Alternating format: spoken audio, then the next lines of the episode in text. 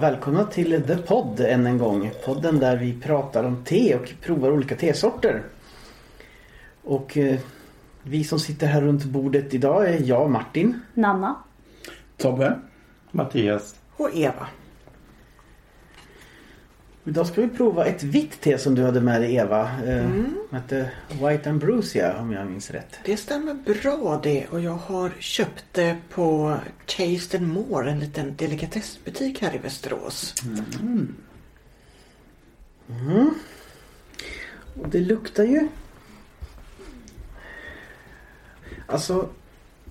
Det luktar lite örtigt. Jag tänker genast att det här är ett sånt te som vore väldigt gott precis före sänggång. Alltså det luktar lite, lite spa faktiskt. Ehm, ja, det gör det. Vanilj känner jag. Kokos. Ja, jag tycker det luktar engelsk konfekt lite grann. Eller, eller som...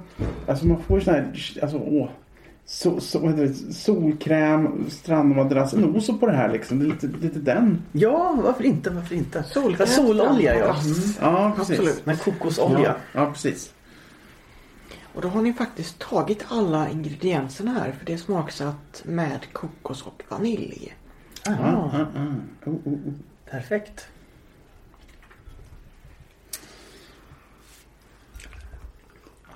Det var första gången vi tog Mm. alla ingredienserna på doften om jag minns Mm. rätt. Mm, och smaken, den var söt, mjuk och delikat. Lite gräddig. Jag känner kokosen tydligt. Ja, vaniljen försvinner lite tyvärr men kokosen är där. Mm. Inte påträngande utan väldigt finstämt te. Ja, Ja, det är subtilt som vitt te ofta är. Eh, Och jag vill nog ha lite mera umf oftast i mitt te. Jag tycker nog ganska många gånger, det finns undantag. Men jag har ganska ofta tyckt att vitt te inte smakar så jättemycket eh, överhuvudtaget. Men så jag känner mer lukt än smak från det här. Men jag känner ändå en liten smak av kokos och en liten gräddighet. Men vaniljen kom fram mer i doften för mig. Mm, jag håller med. Jag, ja. jag kände kokosen kom fram väldigt eh, tydlig. Alltså verkligen så, så den, den tydliga smaken som jag upplever att om man äter kokosflingor till exempel att man känner just det. ja, det- ja, mycket tydlig kokos känner jag. Och den här, lilla, den här liksom mjölkiga känslan. Mm. Som när man Mm. tuggar på, på, på liksom färsk kokos. Mm. Absolut. Lite mer vanilj hade jag önskat mig. Ja men faktiskt. Ja. Ja. Det har inte varit så dumt. Men det var ett gott te. Ja det Ja, var det. verkligen. verkligen. Ja, det här tyckte jag väldigt mycket om faktiskt. Jag har upptäckt vita teer på sistone faktiskt. Jag började ganska dåligt med vita teer. Jag hade hört talas om att vitt te med jasmin skulle vara jättegott. Det är jättegott. lite lyxigt. Så jag gick till en tebutik i Haga i Göteborg. Kommer inte ihåg vilken av dem det var.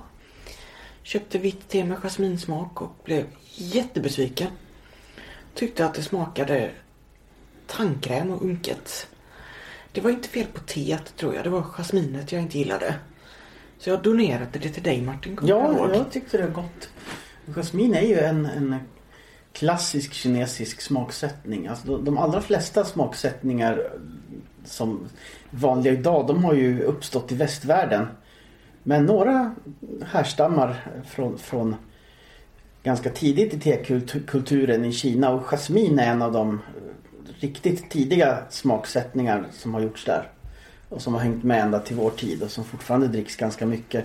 Och det är framförallt grönt eller vitt te som smaksätt med jasmin. Men Ska vi reda ut det här med färgerna på te? Ja, det kan ju faktiskt vara en poäng med. Eh, och det, det som de flesta stö, har stött på eh, så att säga här i västvärlden det är ju svart te då. Eh, och det är ju te som får eh, torka långsamt så att bladen hinner vissna eller oxidera kan man väl säga då. Alltså reagera med syret i luften så att eh, ehm, bladen får en lite brunsvart färg.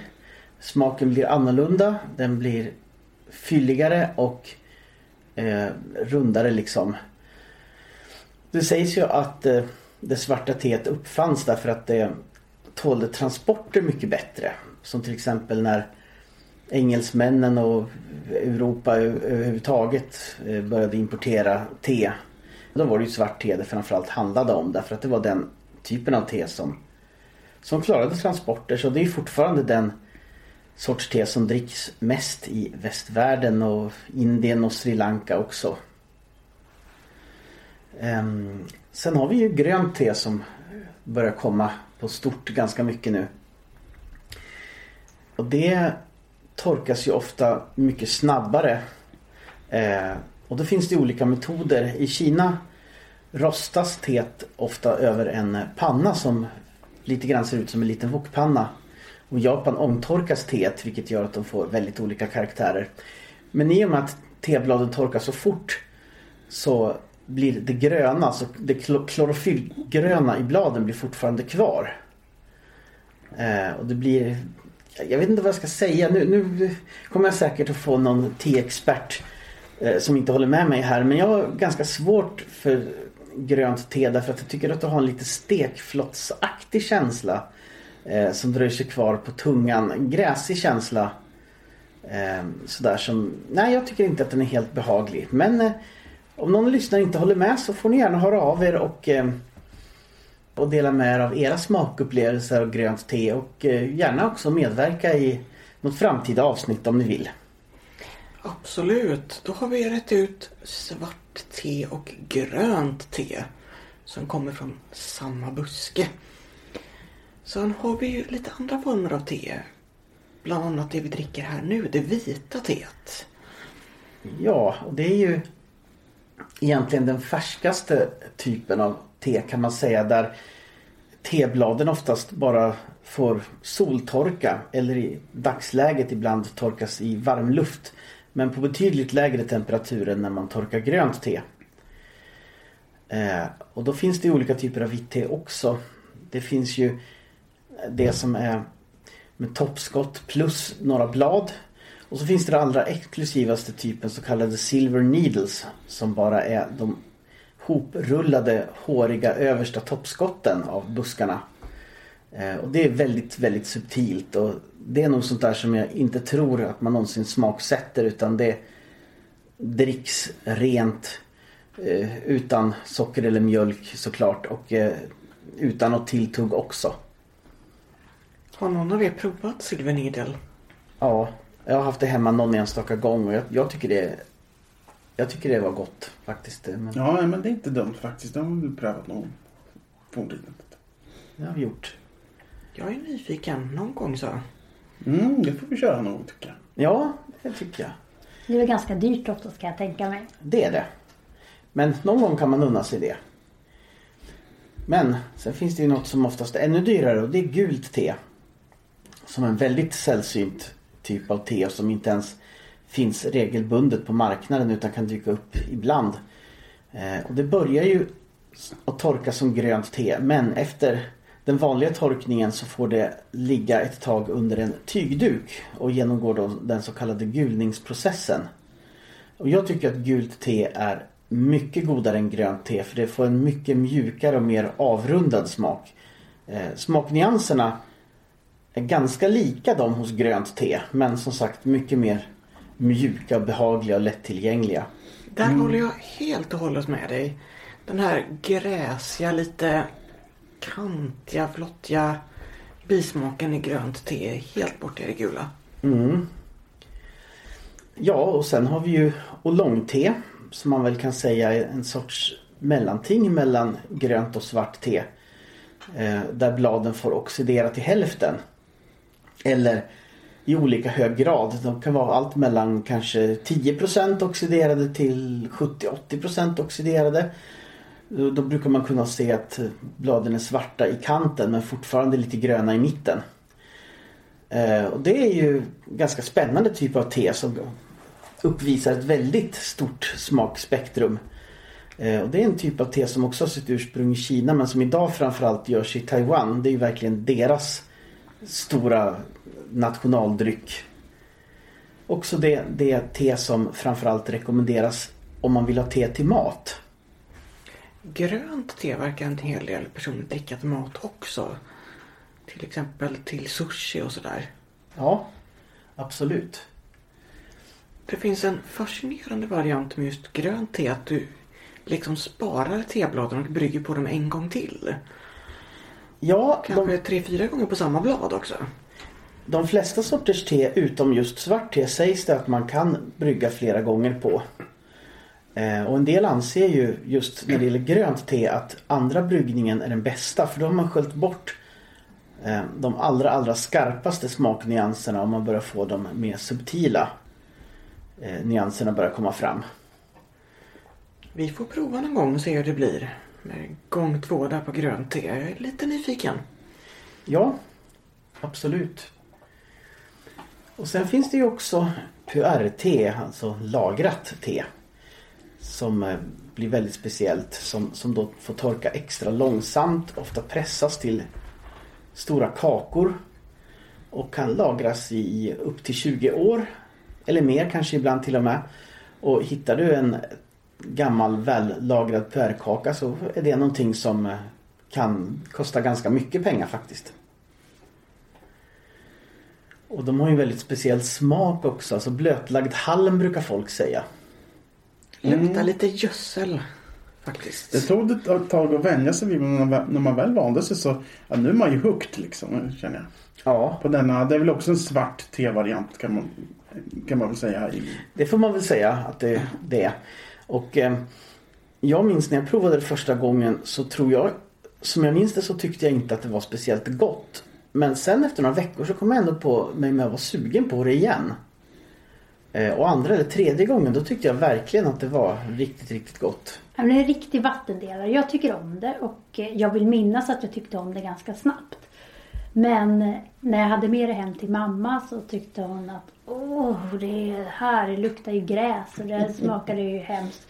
Så nu om jag ska bjuda henne på te så bland annat därför så får jag alltid eh, säga att ja, men det här är inget skumt te. Det här kommer du tycka är gott. För att hon ska våga dricka det överhuvudtaget. Underbart. Mm. Och puertéerna de har ju sitt ursprung framförallt i, i Yunnan-provinsen i Kina. Eh, Men idag finns det väl, tror jag, lite varianter som görs på andra håll också. Sen ska vi hålla tungan rätt i mun här. För det så kallade röda teet, det är inget te. Det är snarare ett örtte. Ja, det är nämligen gjort av en helt annan växt än den vanliga tebusken. En växt som eh, växer framförallt i södra Afrika. Rooibos Ja, heter det så kallade teet. Men för att återgå till vårt vita te här som vi har i koppen nu så har det hunnit svalna lite och det har ju fortfarande kvar sin goda, mjuka fyllighet här. Det är väldigt välgörande inombords känner jag också. ja det fyll, fyller med kroppen med välbefinnande. Och just vitt te är faktiskt ett sånt te som eh, vinner på att drickas när det har hunnit svalna av en bra bit. Ja, man känner lite mer te-nyanser komma fram. Liksom. Tävla lite försiktigt med, med kokosen där som ko- kom fram som en, den tydligaste käftsmällsnyansen först. Liksom. Mm. Kunde inte ha sagt det bättre själv. Om jag ska ge det här betyg så eh, ger jag det en tvåa. För att eh, för mig så är det lite för blaskigt och eh, för subtilt om jag ska vara snäll. Då. Ja, jag ger det en fyra faktiskt. Med möjlighet att det skulle kunna öka till en femma om jag drack det flera gånger. Det här tror jag är andra gången jag dricker det. Och ehm, efter tio gånger kanske det möjligtvis skulle gå upp till en femma. Nu får det en fyra av mig. Ja, den, får, ja, den får en knapp fyra av mig. Jag, jag, ja, men jag tyckte också att det hade lite lite, lite för lite blaskigt sådär. Men det, det är klart, det kanske är mer, det, det är lite sådär, man måste ge saker och ting tid ibland eventuellt och sådär. Så att det kan ju vara lite en fråga om det. Och eh, att det växer på med tiden. Men, men, ja, men en fyra får den ändå, det tycker jag. Jag kan nog också tycka, jag tyckte att det var väldigt god smak på teet. Men eh, kanske lite blaskigt som ni sa. Men jag skulle också sätta betyg fyra tyckte jag. För jag tyckte det var ett trevligt te. Jag ger det tre och en halv faktiskt. Jag hade gärna höjt upp det till en fyra. Men jag saknar lite vanilj i teet. Det lovade mer i doften än vad det höll i smaken när det kommer till vanilj. Men mycket trevligt, mjukt, behagligt, hantverksmässigt te. Men fila lite, lite till på blandningen. En touch med vanilj, tack. Mm. Mm. Ja, kära lyssnare, det var vad vi hade att bjuda på den här gången. Och om ni vill kontakta oss så får ni gärna mejla oss på thepod at outlook.com Alltså T-H-E-P-O-D-D utan mellanslag eller streck eller någonting at outlook.com Gör gärna det. Vi vill ha kontakt med lyssnarna. Ja, och vi vill gärna ha flera som kan tänka sig att medverka i podden. Till exempel om du kommer från någon annan kultur som har något väldigt speciellt te eller tillreder eller serverar te på något specie- väldigt speciellt sätt. Eller om du vill dela med dig av någon speciell teupplevelse, positiv eller negativ. Absolut. Vi är nyfikna på era teupplevelser och vi är nyfikna på era kunskaper om teer. Vi tyckte det var jättetrevligt när vi fick te av våra lyssnare. Ja, och ni får gärna tipsa oss också om lokala teblandningar som ni tycker att vi absolut inte får undgå att testa. Nu i dessa coronatider så är det ju lite svårt att ta sig till de lokala teblandningarna utomlands men när eh, reserestriktionerna släpper så har jag ju en dröm om att göra en teresa. Resa runt till olika ställen på jorden där det växer te och eh, prova olika teer. Ja, absolut. Det vore jättespännande. Och vi hörs snart i ett nytt program. Tills dess får ni dricka en massa te och som sagt, hör gärna av er till oss på thepod@outlook.com.